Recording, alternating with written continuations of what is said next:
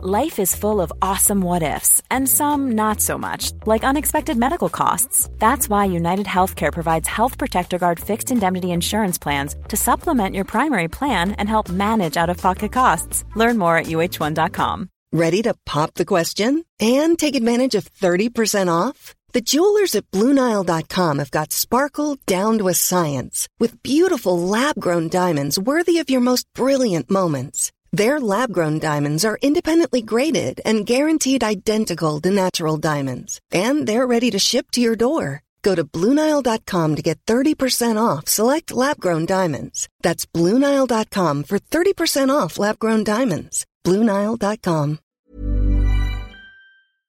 Hallå!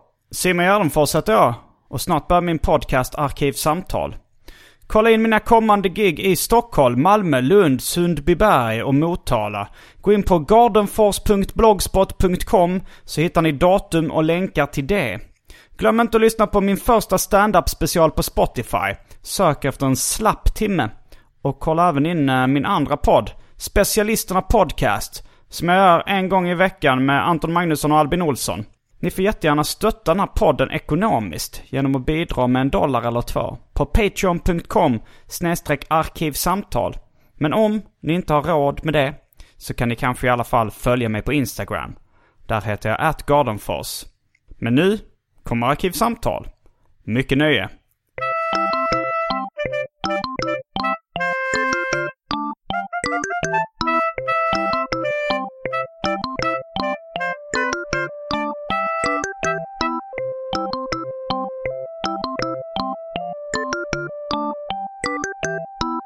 Hej och välkomna till Arkivsamtal.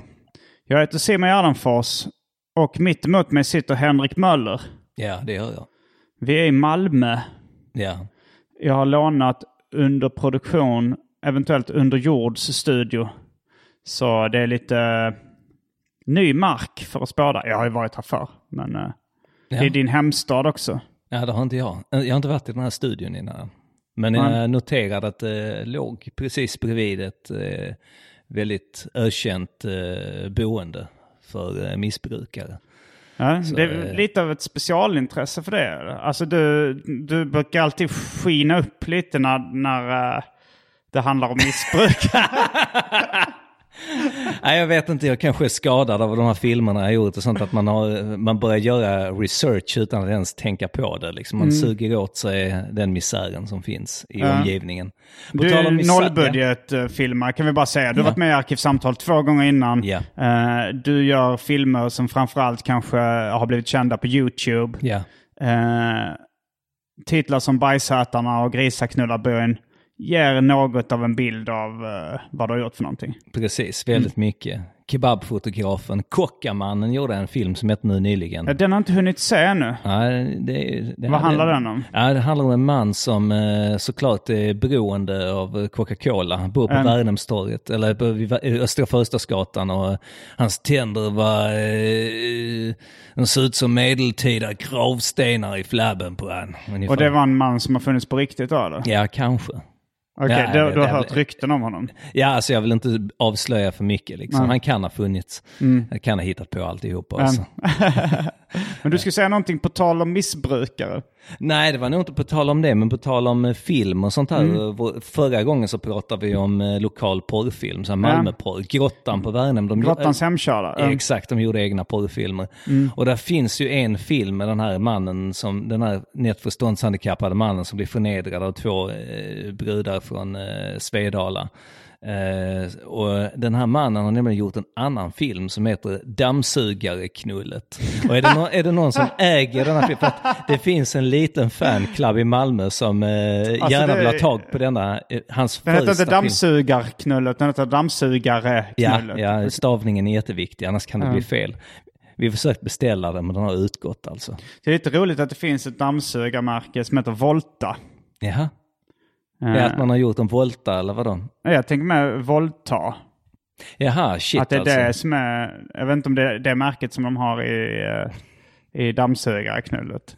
Du, vi får se. Vi får vänta tills vi får tag på den och se den. Vi lyckades hitta en profil på honom i alla fall. Men på tal om Volta, äh, Volta eller Volta så Mm. var det en bok eh, som stod här mitt framför oss när vi kom och hel, vi såg Bill Cosbys ansikte titta på oss så fort vi öppnade dörren. Bill Cosbys bok Pappaliv finns på display monter här i, i eh, Studion. studion ja. den pratade vi om eh, lite förra gången jag spelade in här. Eh. Han har väl i viss mån blivit friad. Eh, Bill Cosby då. Eh, jag tänkte, nej inte friad, uh, åtalet har ogiltigt förklarats nyligen när vi spelar in det här. Okej. Så det kommer nog kanske bli något, jag vet inte, du har sagt Ja, detta nej, jag vet fan inte. Alltså, jag tror... men han är på tapeten nu, Ja, alltså, bara för att förklara varför vi tog upp detta helt Eh, osökt. Ja, det är kanske. Jag tänkte vi skulle kasta oss in på det omåttligt populära inslaget Välj drycken.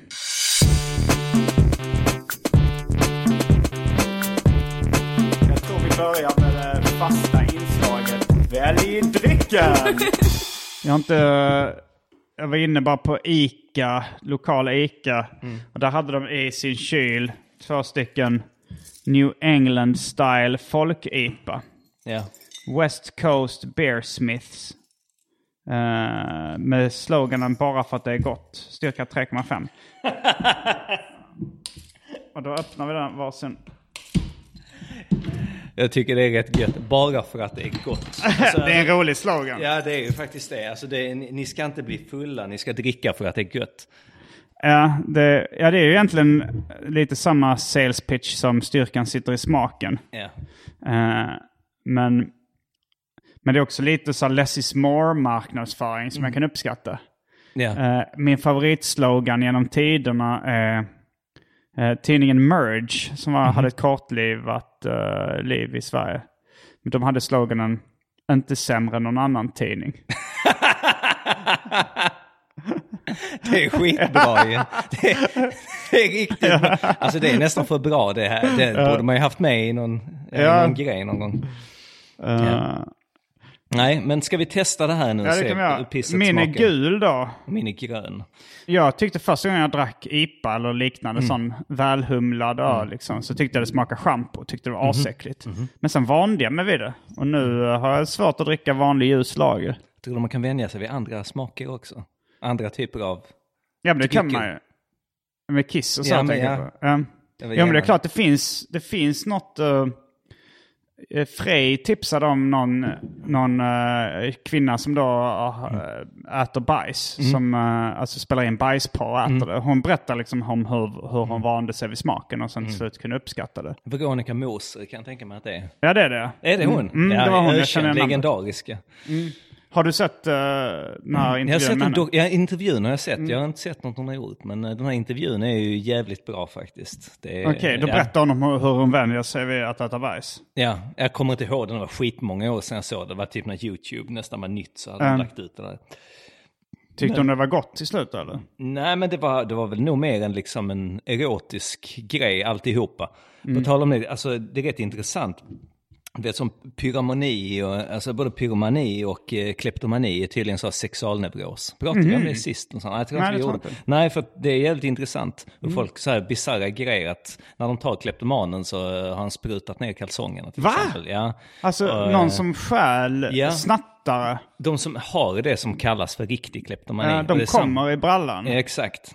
Och då tänker man ju... De behöver inte ens röra penis för att komma. Det- Det, räcker med det- att lägga en dubbeldime i innerfickan. Jag hoppas det. Alltså, Diamond behöver inte ens vidröra ollonet. Nej men, eh, och samma med pyromani också. Vilket för tankarna osökt då till gryningspyromanen. Han, ja, jag hade en P3 dokumentär om... Ja, hela hans familj var ju helt så eh, sexuellt dysfunktionell ju. De knullade hästar och det var allt möjligt det har jag missat. Det kommer jag inte ihåg från uh, Hans bror var ju rätt sinnessjuk. Mhm. Ja, men hela familjen var rätt eh, miserabel ju. Och då, men då pratar de om det i alla fall, att de tar oftast foto när, de, när, när huset brinner, för då står oftast pyromanen i folkmassan och glor för att det är det som är själva grejen, extasen, och titta på skiten. Men de blev kåta av Mm. det alltså. Ja, jag tyckte det var jättefascinerande. Mm. Eh, när jag fick reda på det. Ja, det tycker jag också är spännande. Alltså jag, jag tycker det låter bekant. Mm. Men just, men kleptoman också alltså. Mm, alltså man tänker Winona Ryder. eh, Exakt, det är skitkul att säga det för att när jag fick höra på detta, det var faktiskt han, eh, dramaturgen Robert McKee, jag var på en föreläsning av honom, det var han som berättade den här anekdoten. Och då tog han precis exakt just upp Winona Ryder som ett exempel. Och hon eh, hade då en sexualneuros. Ja, det var därför hon inte kunde sluta ju. För jag tänkte mer att det var som en sån grej att, eh, att hon Rika behövde känna rika någonting. som- Ja men så här, att så här, hon har all, fått allting som, som eh, alltså så här, hon är känd, hon är Mm. ja. rik, eh, hon är älskad. Eh, men men så här, hon känner, känner ingenting inombords. Ja. Som behöver den här spänningen Ja. som snatteriet ger. Snatta först, knulla sen. Ja, men det tänkte jag. eh, för det kan alltså så här, när jag taggade som mest när jag klottrade, då var jag väldigt deprimerad också. Och det var liksom en, alltså ett litet utlopp. Jag fick den här spänningen, liksom att vara ute i natten och kunna bli, liksom den här spänningen. Att man, man kände någonting starkt som inte var de här eh, depressionen. Liksom. Och jag tänkte så här, att det är förmodligen samma för då kleptomaner eller eller eh, ja, men kanske även pyromaner. Det men kan det säkert vara- kan det säkert För jag blev nog inte, jag, jag kom inte i byxan när jag Nej. klottrade liksom. Nå- någon får liksom gå djupare in i detta se Ja. var gränserna går. Vilka, vilka typer av eh, ja, besattheter som är sexuellt betingade. Mm. Fan vet. När vi, vi köpte drycken så började du citera någon, eh, någon eh, nollbudgetfilm som jag inte riktigt kunde placera. Just det, för jag vet att du är en stor fan av Per Beschow och Jonas Nilssons filmer. De här eh, eh, Snuspengar och Att döda en jävel. Ja, framförallt kanske att döda en jävel. Ja. Det var nog, det var början nog med att jag läste en, en intervju, tror jag, som du hade gjort med Per Bersch. Hur uttalar han sitt namn? Beschow. Berchev. Ja, jag vet inte exakt. Ja. Det, är, ja, det är Vilket land är det från? Det är ett turkiskt efternamn, Okej. men det är han- hans frus efternamn han Okej. har tagit. Men eh, jag vet inte exakt hur man uttalar det, så att det här duger nog bra. Ja, nej, men det var, du gjorde en intervju med honom, var det i Det grymma svärdet? Mm. Ja, det I stämmer. tidskriften. Um, Pontus Lundqvists tidning. Pontus Lundqvist. Jag tror, eh, det var nog innan vi hade träffats på riktigt tror jag. Eller vi, inte möjligt. innan vi kände varandra. Det är möjligt. Men jag kommer ihåg att jag tyckte att den var en väldigt eh, rolig intervju. Mm. Och eh, kan du lite i korthet beskriva, för då, då läste jag liksom bara om den här filmen, Mm. då hade inte jag själv sett den. Men tyckte det var en väldigt, väldigt intressant uh, Menar du film. det hemskaste eller att döda en jävel? Vi kan ta båda. Ja. Vilken vill du börja med? För jag tänkte på det här med det, det hemskaste, för jag tror Mm. det är det som du reagerade på. Att, eh, vad, den filmen handlar om är ju att eh, några killar som eh, lurar och förnedrar en ståndshandikappad kille eh, genom att snurra flaskan. Och den som förlorar då, de fejkade så att han förlorar då såklart. Och eh, då ska hans straff bli att han ska gräva upp Astrid Lindgrens aska, hennes urna. Och så ska de leka runkbulle med askan. Och då får ju han äta den liksom direkt. Det är inte ens någon, någon, någon runkbulle, skitsamma. Liksom, de ska spruta, han ska äta. De ska komma i urnan, Astrid Lindgrens aska. Och Nej, de häller han ut det äta. på golvet liksom, Okej, och sen ja. sprutar de över. Men eh, historien är då liksom att det här ska då leda till att han ska bli hatad av hela svenska folket som Mhm. ska slå ihjäl honom. Det, det, det, det är så han ska, liksom, han ska dö. Och varför vill de döda honom från början? Ja, men de har tråkigt, de är uttråkade. Så eh, någon måste liksom förnedras, något måste Ja. hända. Eh, jag kommer inte ihåg exakt, men i intervjun så är det nog så att, för att Per är ju psykolog, Mm, och då hade han börjat få lite ångest vid det tillfället, att för folk som folk googlar gärna sin psykolog och så här, Mm. kollar lite grann och så kommer de in på hans filmer och sånt här och då eh, hade jag skrivit något sånt där, ja men vad fan ska de tänka liksom så här, eh, ska den här sjuka mannen bota mig som har haft både sin, eh, sin, eh, sin, sin brors eh, eh, sperma och, och Astrid Lindgrens aska i munnen samtidigt eller någonting sånt där.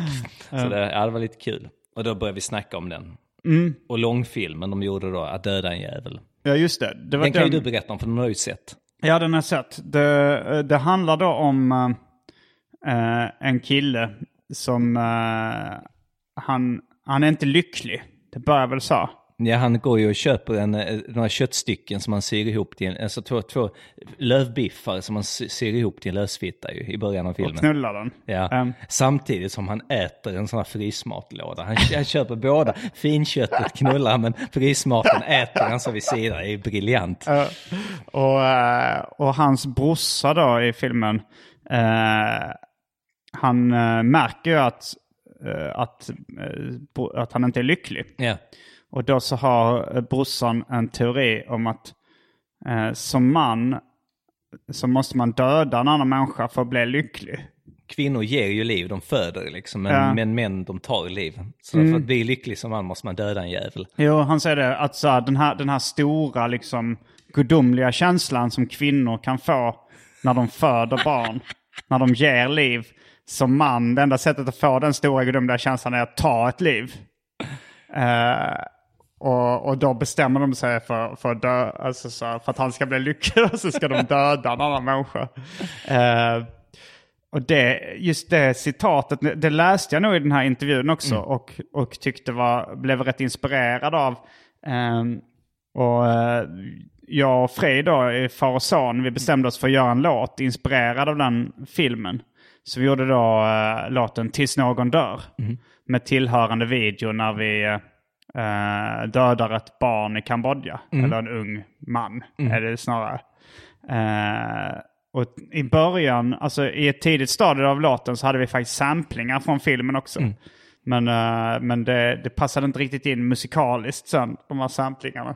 Eh, men men jag, jag vet inte, det, om jag har glömt att credda Per Bergshöv och de andra inblandade i filmen tidigare så får vi göra det nu då. Ja. Som inspiration till den här låten. Ja men det är bra. Eh, sen det är väl någon som dubbelgångar till eh, den här eh, killen som de ska döda också. Just det. ja.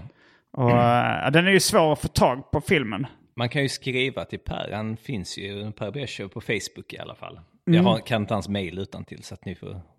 Men ni har gjort filmer ihop också? Ja, vi gjorde ju den här Det hemskaste. Den du var med och gjorde ja, den jag hemskaste? spelar i filmen också. Vi, Vilken jag roll är du? Jag spelar bara en av killarna på festen som är med då liksom Mm, och hetsar. Eh, I och med att jag filmade större delen av filmen Mm. så är jag ju mer bakom än framför. Men eh, historien byggs upp lite grann så här att liksom, ah, det var, man minns ju hur det var liksom. Han var ju helt sjuk i huvudet. ju. Han var ju fruktansvärd. Så byggs det upp med en voiceover. Men såklart han är ju inte sjuk i huvudet. Det är de som har hetsat honom till det. Så att det, filmen liksom vurmar för att de, filmen försöker titta, för tittaren att förstå hur jävla sjuk den här mannen var. Alltså i filmen så fattar man ju att han, han är ett offer, de har lurat honom. Jävla ondska. Så att, eh, ja, mycket ond film, att döda en jävel. Det börjar med att han blir sinnessjuk. Eh, De vill ha det till att han blir sinnessjuk för att hans far dödar hans katt.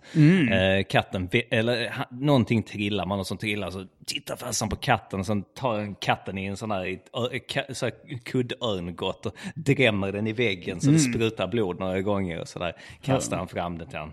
Och ni gjorde det, film, hur löste ni det? Vi hade, eh, en, vi hade en riktig katt tills, eh, tills liksom den var i påsen så att säga. Eller Okej. ja, att man ser att katten springer iväg så över golvet och han du vet så efter och sen så ser man att han har den där någonting inne i det här. Men sen fyllde den med en påse lösblod? Ja men något sånt var det vi gjorde. Tror vi, vi är rätt ambitiösa. Vet du, vi låtsas tapetserade väggen med en tapet för att det skulle kunna stänka över väggen. Nej, nej, det, är- den är en väldigt rolig unken film. Och Per och hans bror de har gjort många filmer där de spelar barn. Och det är så också i denna filmen. Där han klär ut sig i kortbyxor och en liten så här barnmössa och sånt där. Pratar med pipig röst och så filmar man dem så att man, de går på knäna liksom. Så de ska se små ut. Finns det någonstans som uh, Arkivsamtets lyssnare kan se de här filmerna?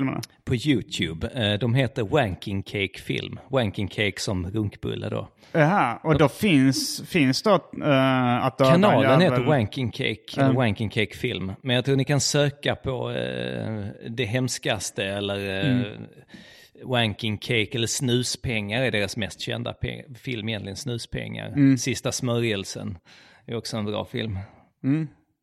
Och eh, bara om man vill se dina filmer, vad heter din kanal på YouTube? Min kanal heter Henrik Möller, är sammanskrivet med ett O då istället för Ö såklart. Uh, uh, jag för mig det var någonting du sa, eh, att du var på väg någonstans med de här missbrukarna som bodde eh, här uh, näst till den här studion. Fan, och så fall har jag glömt bort det. Nej, Men det det var väl mest inte det att eh, jag noterade att eh, eh, jag spekulerar lite i huruvida den här studion kanske var någon sån här Malmö stad-projekt. Liksom, Ja, då, för att allting ligger rätt ut. Det är så här stödboende och så är det den här studion. Mm.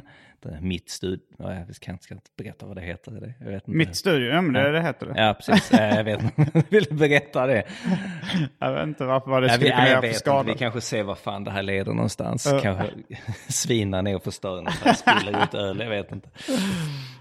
Uh, nej. men jag försökte få det till att du var, att du, att du sken upp då liksom Ja. när du hörde. Och så förstörde jag det. Du Ja. gillar ju misär på något sätt. Du, du dras ju ändå till, det, det, det kan du ju inte neka till. Jag tror att jag är en väldigt så här, som Pontus Lundqvist sa det för länge sedan, att han gjorde, när han gjorde Nazi Shit Lovers, som han inte vill prata om nu då såklart. Den kan vi prata om. Vi kan prata om den ju. Nej, men han sa det att anledningen till att han gjorde den det är ju för att han är så finkänslig. Så eh, hade, hade han varit en så här person som smetade in sig med bajs och så, här, så hade han nog inte gjort den filmen. Utan han gjorde det för han tyckte det var äckligt ju. Och jag är lite så här, kanske så här känslig person så att eh, det, är ett sätt för mig att bearbeta min ångest inför misär. Att eh, ångesten för att kanske själv hamna där eller ångesten liksom i, ja, Ja, så kanske det. Jag tänkte på... Eh, alltså dels... Jo, men jag har även hört att, eh, att så här... eh, det, kommer, eller det vet jag inte om det är en sanning eller om bara... Det, jag var liten och kollade på någon Hitchcock-film med min brorsa. Så sa min brorsa att, att Hitchcock är förmodligen själv mörkrädd liksom. Och, och väldigt lättskrämd eftersom han hela tiden liksom gör så här skräck. Och Det läskiga tror jag säkert. Jag tror att alla som håller på med mm. så här, i synnerhet skräckfilmer, skräcklitteratur, det är, det är ju någon form av så här, överkänslighet alltså, som gör det. Annars hade de inte hållit på med det. De bara tyckt det var Ja, trams. men samtidigt om man, någon som är jätteäcklig, lättäcklad, äckelmagad, pryd, behöver inte heller göra en film där någon bajsar inför kameran. Nej, nej. Det är ju inte ett måste, men jag, tror att de som, de som gör det, tror jag, det är det nog rätt stor sannolikhet. Men Nazi Shit Lovers, eh, är det den filmen där det är några punkare som bara, det är någon punkare som bajsar och så är det då I någon, närbild. ja, och så är det någon bakom kameran som kanske då är Pontus Lundqvist som säger Ge dig! Ge dig! Ja, det är mycket den? möjligt. Jag kommer ihåg. Den finns nämligen i två versioner. Först såg jag en som heter Nazi Shit Lovers Trailer. Alltså det, är- det är Okej. svårt att skilja på trailern och filmen för att de är rätt så fragmentariska och vansinniga. Det är ingen riktig handling. Men eh, den kortare versionen såg jag först.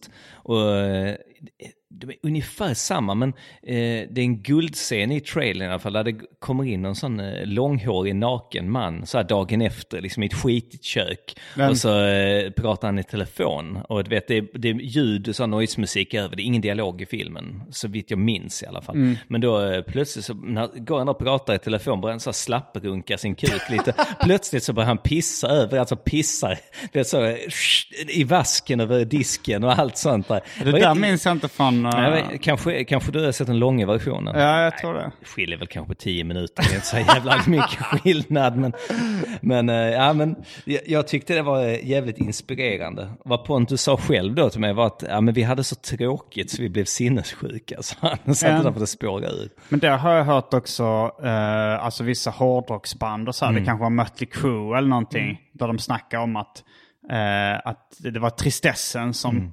som gjorde att de ballade ur så mycket. Eh, men samtidigt så finns det ju, det, det alla de här grejerna är, känner jag som är det lite slappa ursäkter. Ja. Man måste ändå ha en dragning till det.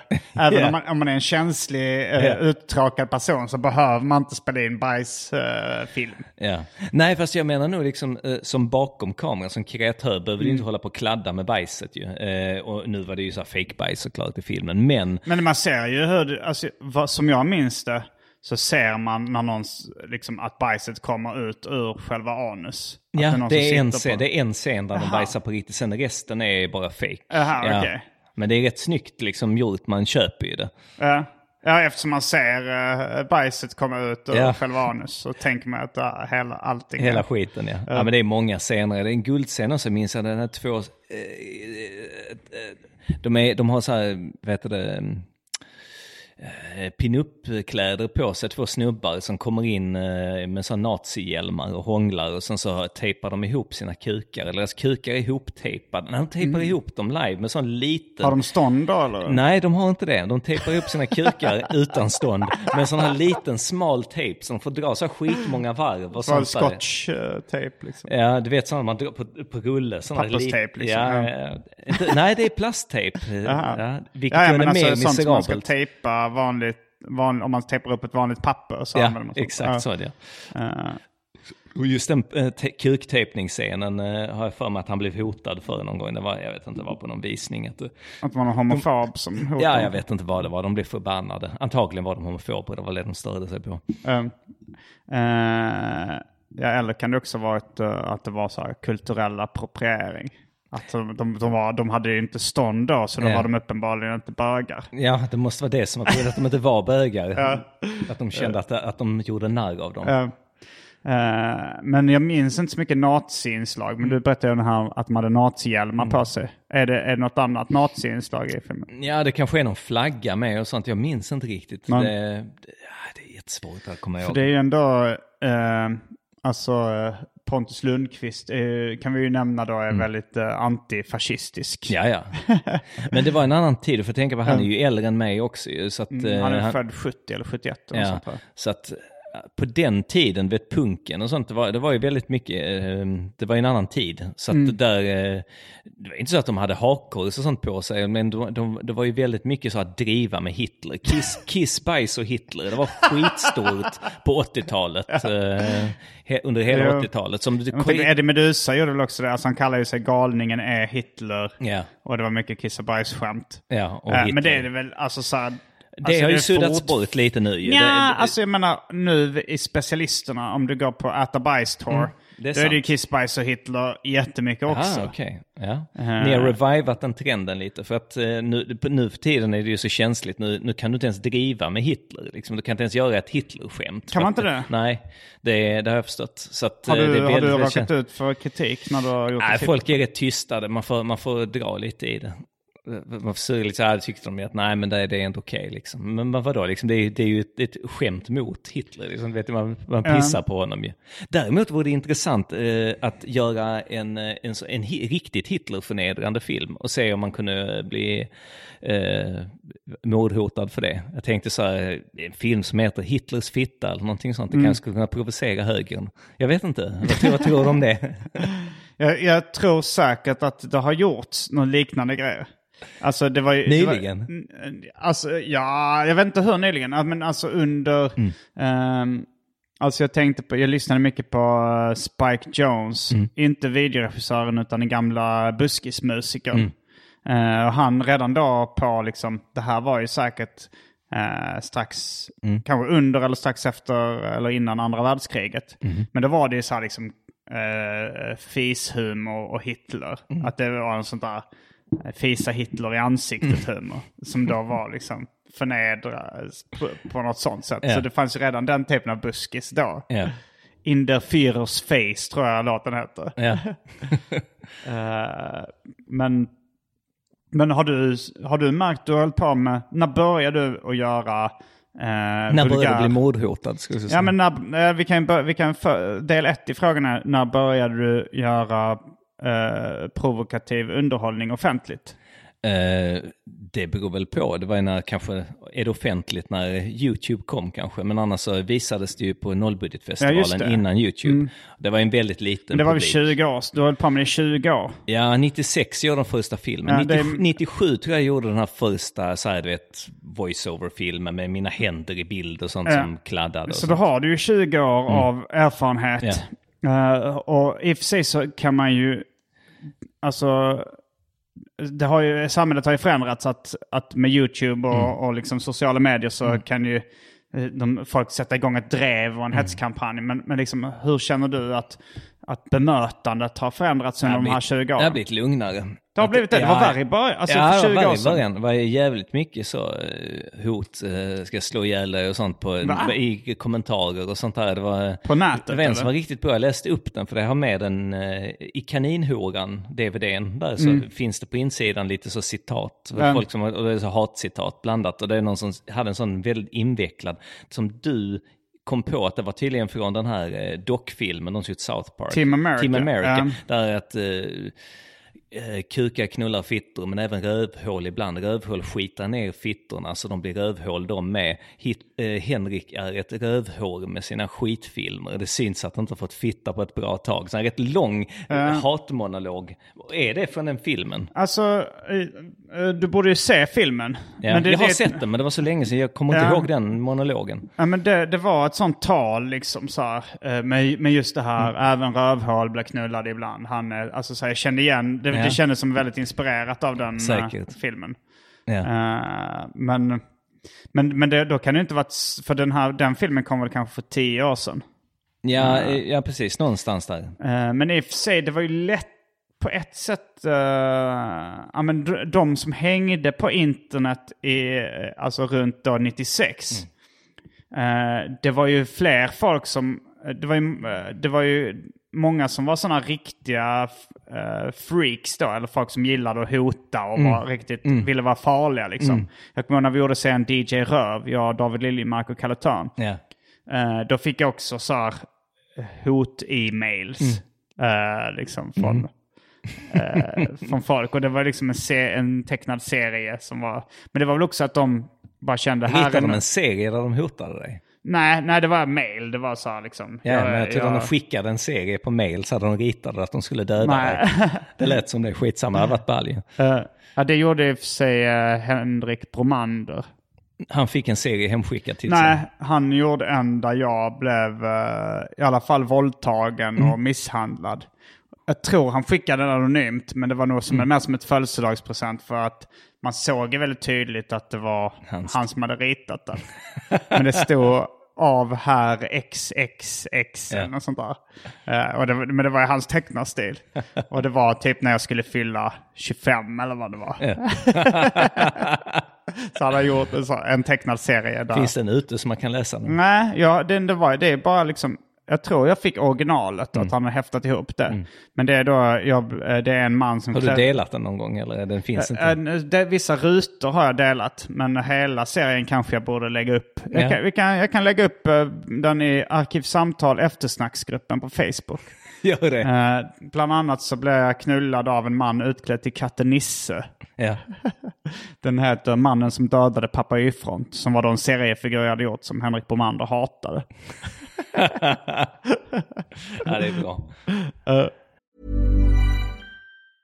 Life is full of awesome what ifs, and some not so much, like unexpected medical costs. That's why United Healthcare provides Health Protector Guard fixed indemnity insurance plans to supplement your primary plan and help manage out of pocket costs. Learn more at uh1.com. Ryan Reynolds here from Mint Mobile. With the price of just about everything going up during inflation, we thought we'd bring our prices down. So to help us, we brought in a reverse auctioneer, which is apparently a thing. Mint Mobile unlimited premium wireless. Ready to get 30, 30, bit to get 30, bit to get 20, 20, 20, bit to get 20, 20, bit to get 15, 15, 15, 15 just 15 bucks a month. So, Give it a try at mintmobile.com slash switch.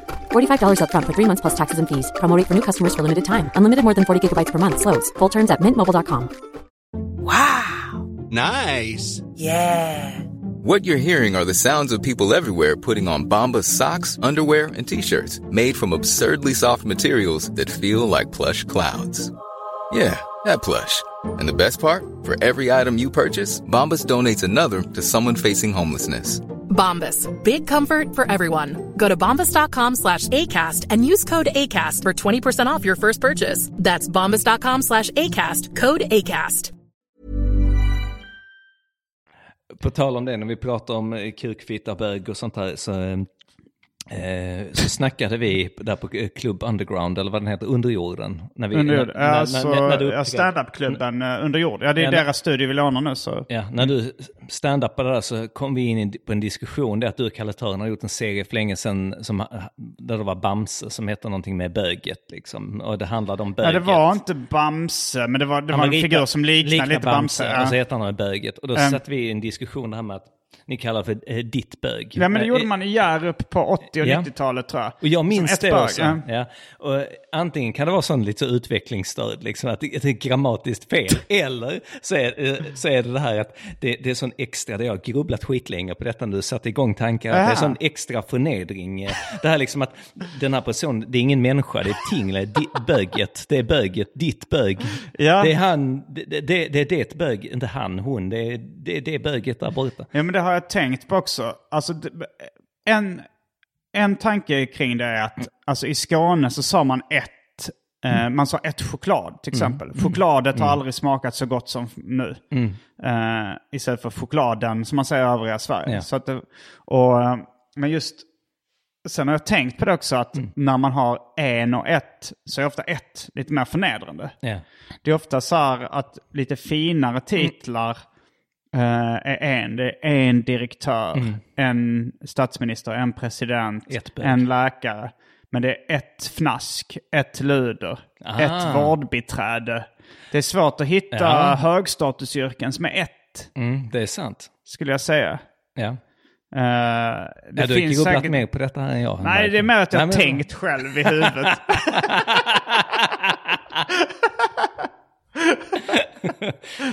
Nej, det är bra. nej, men, nej, men jag håller med dig. Eh, och ett Ja. uh, Ja, låter men- mer förnedrande än en. Ja. Även om det bara, alltså det, det, heter ju en telefon liksom. Mm. Men, eh, men jag vet inte riktigt vad, när det kommer till titlar så det finns säkert undantag. Mm. Till och med bajs heter ju en, en bajs, en bajskorv. Jag menar då det är lägre än en bajskorv ju. Det är, det är riktigt tungt ju. Ja, det är Ja, men jag tänker när det är människor, alltså så titlar på människor, Mm. så är det ofta att ett är lite mer lågstatusyrken. Mm. Nej, men jag håller med dig, det, det är helt rätt. Du, du är inne på någonting där. Ett helt program om Ett sen. statsråd kanske är ett undantag där. Mm.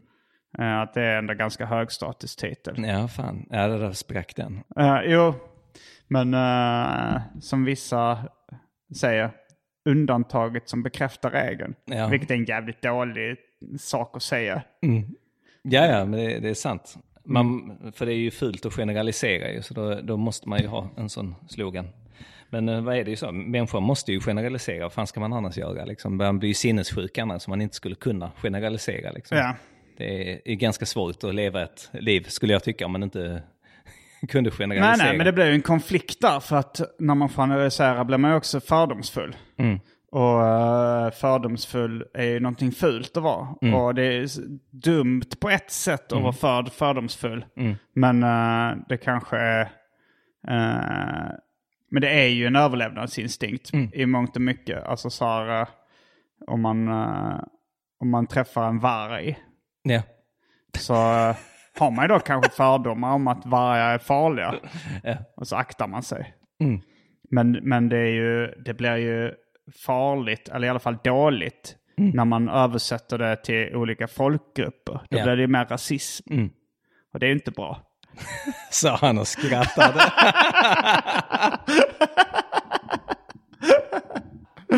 Ja, eh, men känner du det att eh, rasism är det, är det ämnet du tvekar mest inför att skämta om? Eh, jag vet inte riktigt, alltså det... för det är ju liksom mycket incest och sexuella övergrepp. Och, Nej, har jag det? Det, var det inte tycker jag Benny inte. Doffman bögar med sin farsa till exempel? eh, Jo, det gjorde han Där ju. har det, vi det, incest. faktiskt. Och det är väl en del det våldtäktsskämt också? det ja, inte fast det? vet, du vet, den som är spjutet det är ju inte bög liksom. Så att jag har nog lite Benny Doffmans inställning där, att, liksom, att det var ju aldrig ett, en, en, en bögvåldtäkt liksom. För att det var ju han som eh, satte på farsan, det var fängelsementaliteten. Att det är den som penetrerar den andra, det, liksom, det är sån så tillrättavisning. farsan ville då eller? Nej, det är en tillrättavisning liksom. Det är ju det det handlar om ju. Han, han, han satte ju på farsan att straffa honom ju. För han hatar honom. Och, och farsan visste ju detta, så att om han blev våldtagen så var han tvungen att begå självmord efteråt. Och det gjorde Uh. han. Så det gick rätt snabbt. I, det är med Så i då filmen. var det ju då eh, ett sexuellt övergrepp? Det var det ju. Eh, eh, Men det sa du väl nyss att det inte var? Nej, jag gick inte in på det så djupt, Ah, utan jag tänkte att det här fattar ju alla människor, liksom, att det är så det går till. Men jag har faktiskt fått, eh, inte själv, men en polare som har berättat att de har sett att de har pratat med folk som har önskat att jag ska ha mer rasistskämt i mina filmer. Mm. Att det, det, det finns ett tryck där. Men Från, från, en, från en person. fi- Vem är det? Jag vet inte, det var någon som hade, han hade träffat på någon festival eller något sånt som hade liksom, sagt sig till Möller att eh, jag skulle vilja ha mer rasistskämt. Liksom. Ja. Det, det var synd. Jo, för vi gjorde ju den här eh, Malmös finaste. Och då är det ju en snubbe som eh, drar, är, är rasist. Liksom. Mm. Och då gillar han rapparen Ken Ring. Men så frågasätter hans polare, men du är ju rasist, då kan du gilla honom. Mm. Vadå då? Ja, men han är ju svart liksom. Ja, men, skiter väl jag i för att lyssna på vad jag vill. Liksom. Mm. Alltså går det därifrån den klassiska dialogen. Så där, där är ju lite skämt om det. Och det gillar han, så han vill ha mer rasistskämt utifrån det. Eh, ja men det tror jag nog. Alltså, jag tror både folk som då är antirasister och tycker det är kittlande eh, kan uppskatta det. Men sen så är det ju så att rasister uppskattar rasistskämt också. Ja, ja. Då, då blir man lite mer kluven. Eh, det var, jag såg en, någon, någon, någon liksom, jag googlade mitt eget namn. Och då så, eh, Låter alltid bra. Ja, eh, Och då så, så fick jag upp någon YouTube-kille. Som, eh, han lagt upp grejer på YouTube. Och han verkar vara väldigt rasistisk själv. Och han var väldigt upprörd på att jag och Anton då, Mr Cool, gjorde låtar som då var ironiskt rasistiska. Han tyckte det var provocerande. Eh, och liksom så här, ja men att man drev med hans kultur på något sätt. Det var eh, liksom, han tyckte så här, ja för det är ju bara ironi. Det är så här, det är så med, med så här, det är på riktigt så här, eh, eh, han hävdade då, ja men eh, att afrikaner, eh, ja ifall de hade varit lika bra som, eh, som oss västerlänningar så hade ju deras länder varit rikare. Och så, liksom, så var han väldigt upprörd över att man bara drev med det, liksom, den klassiska rasismen. Ja, det är intressant, men äh, skrattar de? Tror att han skrattar liksom åt skämten och tycker att Nej, det är roligt för det? tror Mer på allvar han, liksom. Ja, han tror jag nog eh, inte tyckte det var roligt. Fast det är ganska ofta, om man skämtar ra- rasistiskt så är det vanligaste kritiken är man får från antirasister. Mm. Eh, men, men det, var, det kändes som en frisk fläkt för kritik från en rasist som inte tyckte att man skulle skämt, driva med rasism. Mm. Ja. Att man inte skulle... Ja, ja jag har faktiskt eh, blivit friendad eh, på Facebook eh, av ett fan som är ganska så hårdför rasist. Och eh, nu nyligen så fick jag så här PK-katten, ett sånt pris då, liksom någon så här punkfestival eller någon som hade så PK-katten. Och, jag har ju hållit avstånd till den här mannen för han, är, han har någon jävla diagnos, han är dum i huvudet liksom. Men, eh, jag tänker inte säga hans namn, det förtjänar han inte. Men då hade han haft ett långt utlägg om det, om det där då liksom, "Ah, han har fått eh, eh, den här, det här priset med skattebetalarnas pengar och sånt. Det är bara någon jävla, eh, jävla ska jag inte säga, men det är någon punkfestival liksom. Det är sånt, vad ett fantasipris liksom. Du fick ett pris som heter PK-katten. Ja, precis. Av, eh, en- ja, av en punkfestival. En punkfestival. De, har- de, de, jag, jag vet inte om det är festival För att exakt. du var PK? Ja, eller? de tyckte att mina filmer var PK. De hade Ja. liksom tyckt att det, liksom det ja men du vet, ja, eh, Det motiveringen var fanns nog ganska... ganska många varv av ironi inblandat i det priset gissar jag på. Nej, de var seriösa. De var eh, blodigt seriösa. Mm. Eh, och det finns en lång motivering till det som man kan läsa, som är alldeles för eh, akademisk för eh, min tunga att uttala. Mm. Så jag kan inte... Men det roliga var att han trodde att det här var liksom ett så skattefinansierat pris och sånt. Och gick ut eh, Mm. på, vad det, på Twitter eller Facebook och sånt där. och gnällde om det. Sånt är ganska roligt. Mm. Att, eh, som vi sa, källkritik återigen. Du har väl också tidigare varit bekant med Dan rasist. Park?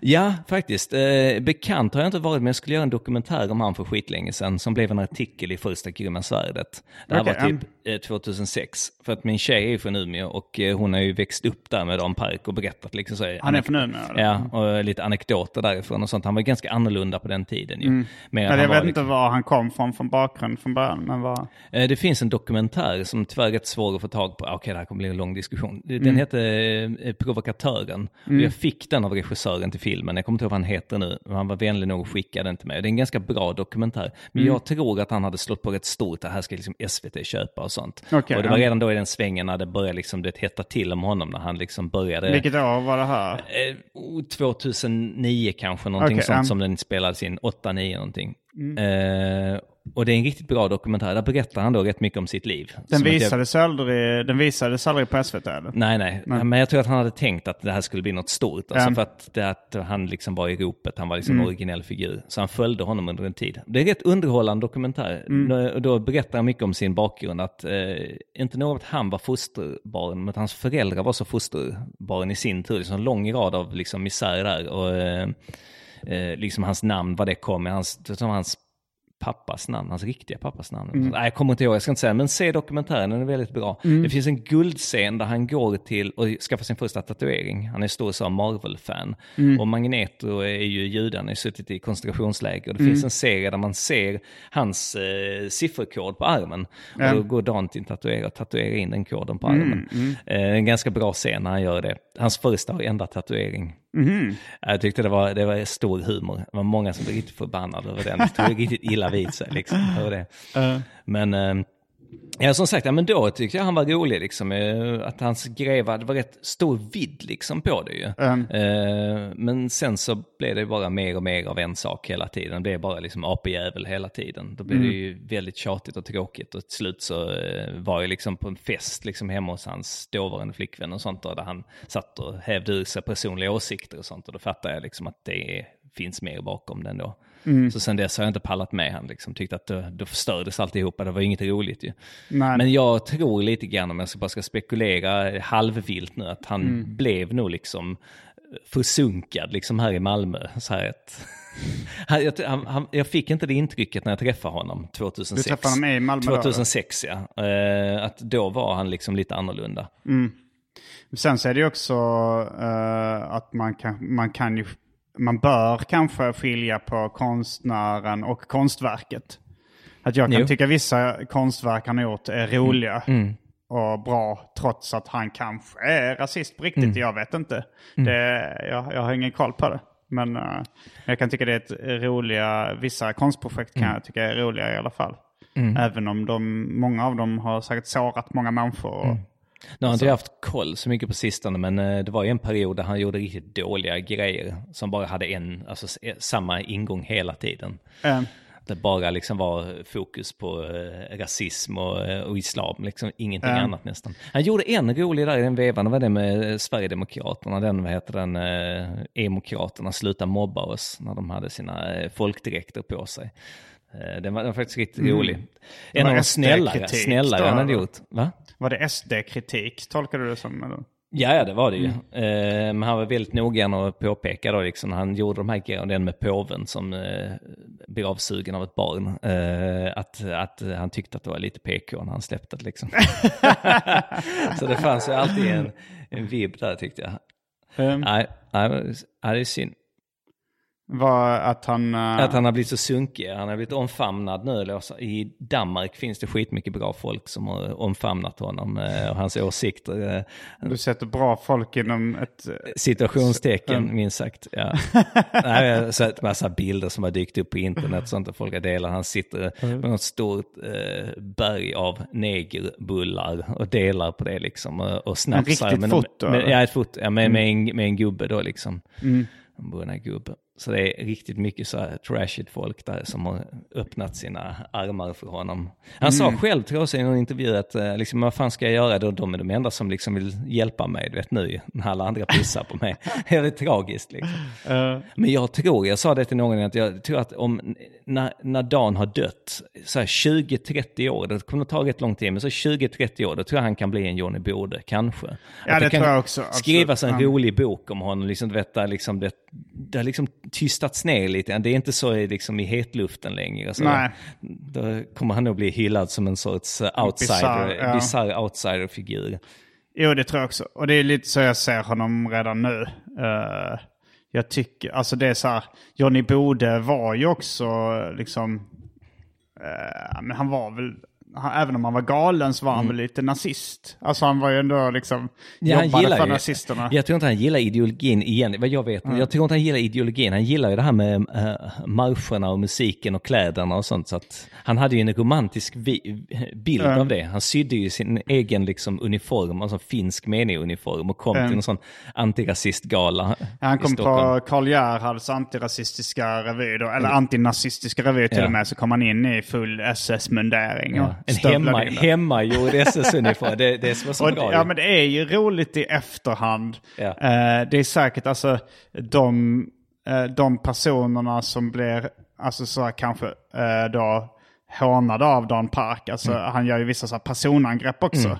Och det, det har, jag, är ju, jag är ju ingen total psykopat som tycker att så här, ja, men allt för konsten, Mm. jag skiter i deras känslor. Det är klart att de blir ledsna liksom. Eh, men, men i efterhand så är ju, jag kan ju, är ju sånt roligt. Alltså så när, när någon har gått så extremt mycket över gränsen. Jag tycker det är roligt med, eh, jag har gjort en serie om den gamla romerska kejsaren Heliogabalus. Nu, nu är det väldigt ifrågasatt vad han, eh, liksom hur mycket av det han gjorde som är, sant eller bara som är smutskastning. Men han var ju sån som, som dödade halshög barn inför deras föräldrar som, liksom, som en flippig grej. Och, eh, och sänkte liksom fullastade skepp bara av oklar anledning. Liksom, och, och fyllde kanalerna på cirkus med vin och hade sjöslag samtidigt som folket svalt. Eh, och, och liksom, han- det han är mest känd för var kanske han, eh, han kvävde gäster. Han hällde så mycket blommor. Han fyllde ett helt rum med blommor liksom, så att folk kvävdes till döds. Men du ser, det blir roligt. Ja det blir roligt fast, ja och då är det ju så att det är ju tid, det, vad är det, vi tragedi plus tid men Vi lika kan med inte föreställa oss detta därför att det hände för så länge sedan. Alltså du vet, det, är, det är så storslaget så att det Mm. blir absurt. Så att har, det gått, har det gått x antal hundra år, då är det ju liksom fritt fram kan man säga. Så då, då blir det ju liksom, det blir inte verklighet längre. Nej, men, men på den, liksom Eddie Meduza och, Mm. och jag menar, massa så här hårdrocksband, liksom Ozzy Osbourne och Mm. sånt. Det, det tyckte den tidens Mm. eh, människor också var, många som tyckte det var eh, lika fruktansvärt ungefär som, Mm. som eh, folk tycker då Don Park eller Mm. eh, Johnny Bode. Men sant, många av dem liksom tycker ju fortfarande det. Alltså på grund av liksom rasistiska aspekter och så här ju. Alltså, eh, om du förstår vad jag menar. Johnny Bode, ju- Ja. Johnny Bode var ju fortfarande under många år alltså eh, en hatad figur. Och det, hans Mm. självbiografi var ju svår att få tag på ju. Och det hörde jag av en figur på Mitt Sydsvenskan. brokiga förflutna. Är det den du tänker på? Nej, jag tänker på den här... Eh, Jakten på Johnny Bode, skandalens Ja, man. den, ja. Det är Den- inte en självbiografi, det är en Nej, biografi förlåt. om... Eh, Men inte han gjorde en självbiografi som Okej. heter Mitt brokiga förflutna. Ja, den har inte läst. Men det är också... Det Är jag den inte, bra? Nej, jag har inte läst den. Men den, den lär ju vara... Den är inte faktagranskad. Så Nej. den, alltså, eh, Jakten på Johnny Bode, skandalernas man, är ju ändå gjord av någon som har försökt eh, Mm. ha ambitionen att ta fram sanningen. Medan Mitt brokiga förflutna, där kan ju Johnny Bode ljuga friskt. Utan att någon uh, Mm. Vilket också kan bli riktigt roligt. Jo, det kan det ju. Men det blir en annan spelar sorts, ingen roll för eh, att den är ju så bra, Skandalernas man. Den, är, ju, Ja. det är ju så, den är ju så fullspäckad med, med guld så att det spelar ju ingen Jo, roll. den är fantastisk. Men Eh. den var svår att få tag på. Så när jag upptäckte Johnny Bode ville få tag Mm. på den, det fanns ingenstans att få tag på. Alltså det, var enda, det var ett bibliotek som hade den i Malmö, Mm. det var Rosengård av alla bibliotek. Där fanns den. Och där kan jag inte tänka mig att den var friskt utlånad om man säger så. Så att den hade bara glömts kvar där i ett hörn tror jag. Ja, liksom. ja. Ja, jag vet inte. Men det var, det var jävligt roligt i alla fall att eh, idag så har det ju vänt nu. Nu finns det Johnny Bode-sällskapet och Ja, sånt där. Även om det inte är statligt utan det är några Mm. killar som har startat det för det är kul. Så Mm. är det ju ändå lite, lite mer, vad heter det, lite, lite mer okej idag kan man tycka. Jo, att jo, folk har ju. tagit upp det. Ja, men så är det också med, alltså, nu är, har ju Hitler blivit slutklämmen på jättemycket skämt också. Jaså? Nej, men, men alltså det, det var väl redan med Det våras för Hitler liksom och... Ja, Alltså, så ja, ja men, är- men det det jag sa 70-80-talet. Alltså Mm. nu har det ju tonats ner igen ju. Alltså senaste, eh, vad säger tio åren i alla fall kan man väl säga. Är det ju blivit jävligt hårdare. Vad, alltså, Nej men alltså, ja Hitlerskämt rent allmänt liksom. Alltså skämt om nazismen liksom. Jag, jag vet inte riktigt eh, vad grejen är för jag tycker att liksom, man skämtar om det men det får man tydligen inte ens göra liksom. Det är så känsligt. Men Men folk tror- vågar inte skratta kanske också för att det är... Nej men moralismen går väl i vågor på något Ja. sätt. Att det, eh, nej men jag, jag tänker på, på eh, ja, men de gamla eh, grekerna och sånt. Då var det ju, då var det ju okej. Det här gossekärlek var ju Mm. socialt accepterat. Mm. Sen så blev det tabu. Men det kanske kommer tillbaks. den var sökt, den var sökt. Nej, men jag menar att det, det är inte så att det blivit mer, bara mer moraliskt och sen mindre moraliskt. Och sådär, utan det går i vågor menar jag. Ja okej, jag vet inte riktigt. Kanske. Jag, Tror, tror du att det bara blir mer och mer moraliskt? Jag tror det kommer gå till en peak liksom, Mm. verkligen. Jag, jag ser någonstans en framtid lite grann som George Lucas THX 1138, du vet att allting är vitt liksom. Alla tar piller för att liksom hålla sig liksom lugna. Ingen får må dåligt, inget får vara farligt. Om man trillar så kommer det en sån här, sån här polisrobot och Ja. hjälper en upp. Do you need some help? Men det stämmer inte för det har ju varit, alltså så här, viktorianska England till exempel Mm. var ju känt för att vara den mest moraliska perioden liksom. Mm. När de, hade, när de eh, klädde in bordsben Mm. med, i tyg för att Mm. man inte skulle kunna associera till nakna kvinnoben. Mm. Och, och då var ju allting liksom väldigt moraliserande. Mm. Och sen så ballade det lite på 60-70-talet där det var liksom eh, nakna hippies i var och varannat gathörn. Men om vi sen- säger från 80-talet, när, när, eller, eller 90-talet kan vi ta Ja, till och med. och det har ju det- funnits moraliska tider eh, efter det också. Alltså, eh, Ja, jag vet inte. Alltså det, det kommer ju liksom, det går ju... ja, eh, nej, men tänk 50-talet, Mm. speciellt i USA. Mhm. Jätte, alltså hela den här, Mm. eh, 50-talet var ju liksom moralens, då var det också väldigt, Mm. allting var bara glatt och det skulle inte vara något smuts. Mm. Och sen kom 60-70-talet som var, var en motreaktion Mm. på det. Och sen, så det, jag, jag tror bara att det går i vågor. Jag tror verkligen inte att det blir mer och mer moraliskt samhället. Nej, jag vet inte riktigt. eh, Nej, jag vet inte. Kanske, kanske inte. Ingen aning. Men, Jag, jag drog helt plötsligt parallellen till musik och sånt där. Liksom Sex Pistols, alltså punkens, liksom, Mm. de var ju väldigt så, de var homofobiska och det var mycket hakkors och det var mycket sånt. Alltså, de det Sex Pistols? och sånt. Ja, det var mycket sånt. Var, nu kan man tänka sig att de säljer en Sex Pistols-tröja på H&M Mm. liksom. Ja, ja absolut, visst är det det. Men eh, då tar de, ju, de säljer ju inte Sid Vicious eh, eh, t-shirt med ett stort hakkors på. Den tröjan säljs ju inte. Men, Hade han det? Ja, han hade ju det. Eh, Mycket så on tour. Det finns mycket bra så tourmaterial därifrån. Mm. Små så hemmavideor de har spelat in. Han hotar någon polis i Frankrike. Skitsamma. Eh, poängen är i alla fall sen eh, postpunken och sen senare med grungen. Liksom, när grungen kom då blev det ju väldigt politiskt. Liksom, eh, väldigt alltså, eh, eh, politiskt korrekt. Så att Mm. Så att, eh, jag tycker att, eh, jag vet inte riktigt, att allting liksom har liksom eh, tvättats rent. Liksom, att de, jag vet inte riktigt om det är medvetet, men att, eh, att, att alla, alla koncept plockas in och görs mer och mer kommersiella. Jag, kan, jag har svårt att se idag att ett, att ett stort så här kommersiellt genomslag skulle kunna vara väldigt omoraliskt. Alltså så, så skitigt och, och smutsigt. Ja, just idag, för att vi är inne i en moralisk tidsära. Ja. Men sen tänker jag att det kanske kommer en motreaktion på det. Ja, alltså men jag tycker, jag kanske tycker det den har var... hållit på rätt länge faktiskt. Ja, men jag, jag, nej, alltså gangsterrap och sånt, om till exempel, eller omoral, amoralisk rap. Mm. Alltså tänk Eminem. Han var, det var ju mycket liksom eh, våldtäkt och homofobi och, och den typen av liksom antimoral Mm. på något sätt. Och det var ju ändå millennieskiftet. Ja, det är sant i och för sig. Och sen eh, så kanske sen, sen Eminem har det inte funnits. Ja men Marilyn Manson var väl där också. Jag, jag har ingen bra koll på honom. Ja, inte jag heller. Men, men, eh, det- men det var väl lite så här provokation som blev mainstream runt millennieskiftet. Mm. Är sant. Och sen har, det, har, det, har vi nu liksom haft kanske tio år av lite mer moralism. 20 år blir det snart, det är 2017 nu. Ja, just det. Eh, men det, det, det är inget som säger att det inte kan svänga igen. Det kan inte svänga igen. Det kan svänga igen. Vad gör vi då? Blir du arbetslös då Simon? Då har du ingenting att göra. Eller blir jag mainstream. Att, eh, Ja, det eh, kanske blir skitbra det, ju. vem vet? Nej, ingen aning. Jag vet inte. Man måste ha något att kämpa för. Ja, jag vet inte riktigt om det är det jag kämpar för heller. Alltså egentligen, alltså jag vet inte om jag kämpar för att... eh, Föra in svineriet i finrummen. nej, det är nog snarare så att jag tycker...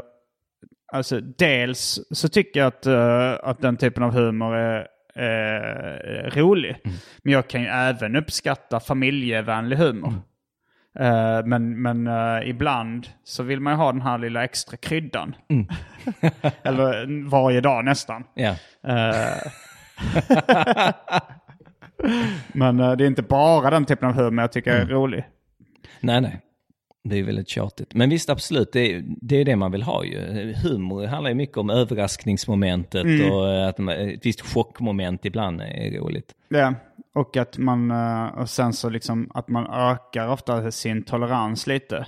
Alltså som att man till slut kanske man vill att det ska kittla till lite extra. Ja. När man har vant sig vid en typ av chock så, eh, så vill man ha starkare Men känner, men känner du att hur långt, hur långt ska det gå liksom? Alltså för att eh, någonstans känner man att man har nått ett, en topp liksom. Som du har kollat på en, till exempel en, en, en sitcom du gillar, vi bara ett exempel nu. Så har man suttit och dratt igenom en säsong eller två, oftast så kommer man till en punkt där man slutar skratta liksom. För att skämten går på rutin liksom. Man sitter och myser lite grann, bara sådär. Man skrattar inte som man gjorde de första tio avsnitten kanske. Om du förstår vad jag menar. Eh, Det är lite, jag, Ja, jag fast försöker jag dra en jag parallell här. Ja, alltså jag har nog mer upplevt att efter tio avsnitt av en sitcom så kanske det är då jag har lärt känna karaktärerna Mm. och bara tycker det är roligt. Mm-hmm. Och sen, men sen måste det, det finns ju en viss typ av eh, utmattning eller så, att man Mm. till, till slut tröttnar på en karaktär.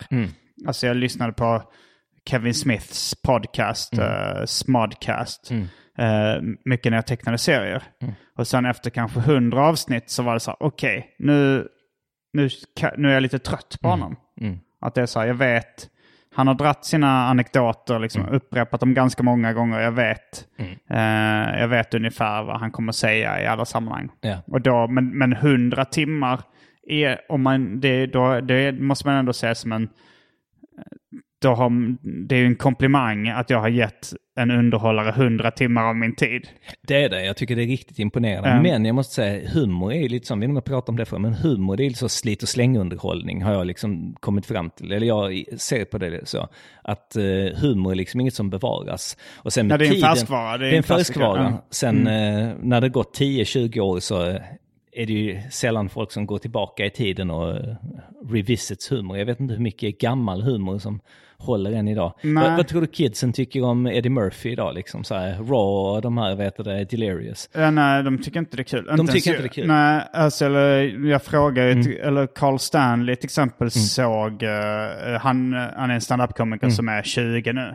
Och han, men han är väldigt standup-intresserad så han försökte då se Raw Mm. och tyckte, nej men, han, han kunde väl se liksom en viss skicklighet i det men sa Mm. att så här, men den här, så här homofobin och sexismen och sånt är, liksom så här, Mm. är lite svårsmält idag. Eh, att man måste försöka se bortom den. Mm. Eh, men även när jag ser Raw idag tycker inte jag den är rolig. Även Ja, jag har inte sett den på länge så jag vet Nej. inte. Nej, jag tror att du, och, och det har jag hört andra som, det var en kompis som sa det just att, eh, så här, ja det var att så här, när han hade sett Raw på tv, reprisen nu, så eh, var det enda han kunde säga, ja humor är en färskvara.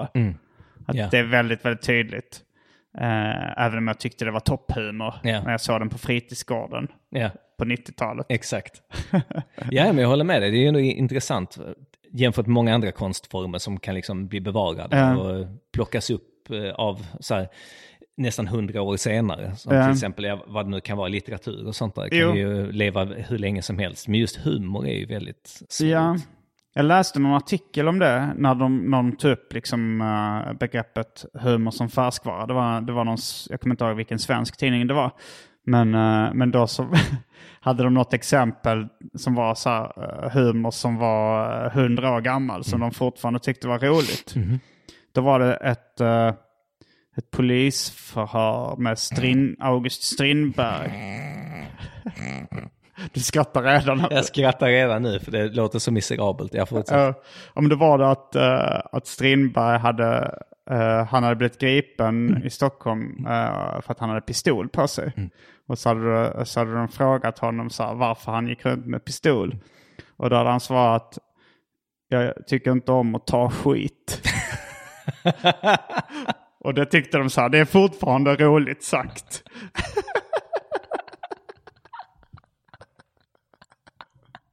Och det hör mig nu också att, Ja. att båda vi skrattar. Ja, det är ju roligt trots Ja. att det är väldigt Det gammal är jävligt humor. imponerande faktiskt. Undantaget som bekräftar regeln som vi sa innan. Eh, Ja, shit. Men eh, ja, det är väl också att det är någon sån, att man tänker att det har hänt i verkligheten som gör att det är roligt. Att det, bara, att det är så ett lite ärligt svar. Det är något kul med det i alla fall. Det är det. Absolut. Du har ju inga andra sådana bra skämt på lager. Nej, alltså jag bara minns det från den här artikeln Mm. när, om humor som färsk var. Att de bara hittade ett exempel på något som var över hundra år men som ändå var roligt fortfarande. Men jag tror annars är det svårt. Ja, för sådana, du vet, man hörde sådana gamla fräckisar och sånt vet, Ja, när man gick i lågstadiet. Det är fruktansvärt ju. Eh, jag minns att jag skaffade helgon, när jag precis skaffade internet så skaffade jag helgon, testade lite sådana olika, du vet, eh, sociala medier då ju.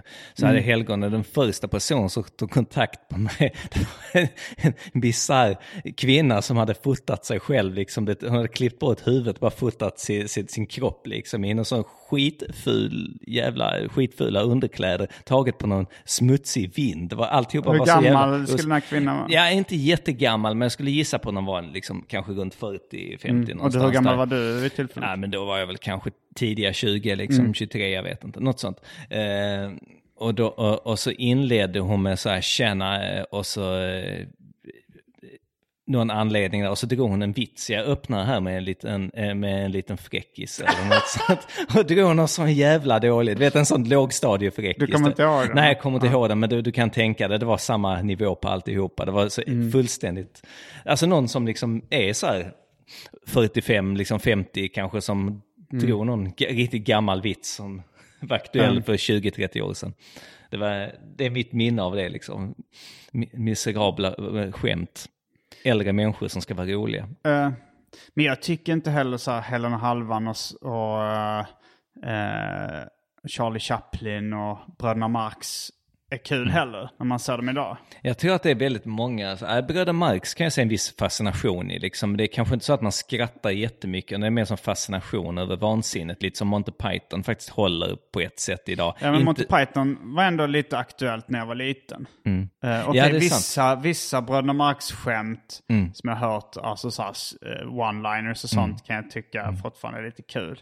Ja. Eh, Nej men det, absolut, men eh, det är ju som man säger, det är de som växte upp med det. Si- Sitter man där som den där gubben liksom, med sina gamla, sin DVD-samling man har köpt. Jo, Liksom. men förmodligen är det så om jag visar Seinfeld för någon som inte växte upp med det så tycker de det är lika är tråkigt Seinfeld som fortfarande ute? När la de ner den showen?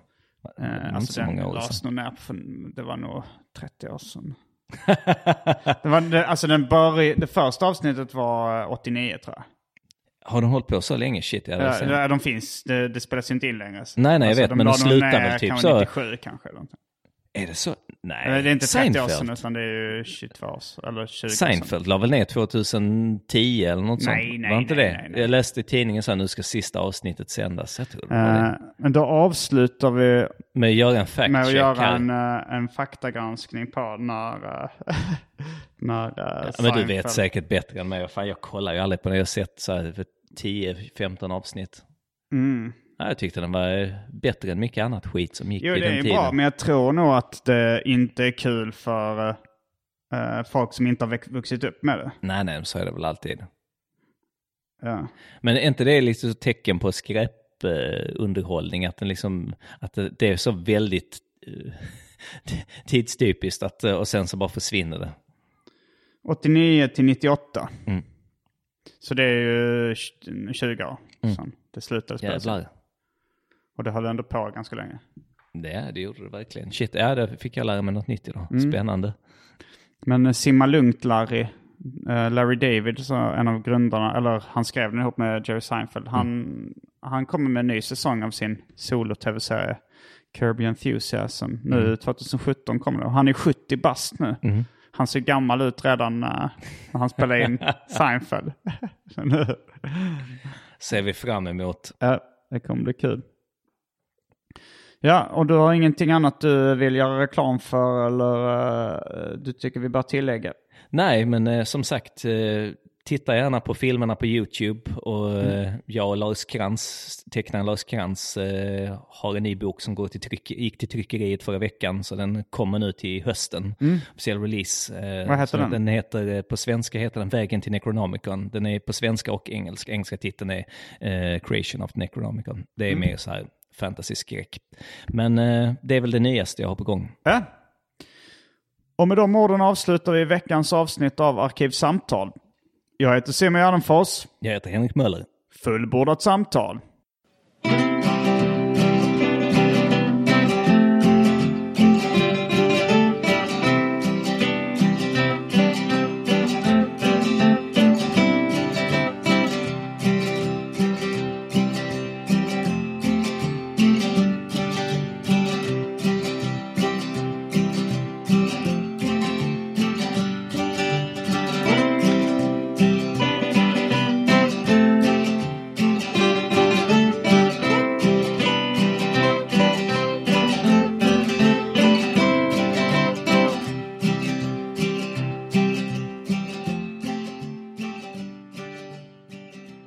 Tack till min klippare Marcus Blomgren. Följ honom gärna på Sveriges minst uppskattade Instagramkonto, at Marcus Brumgren.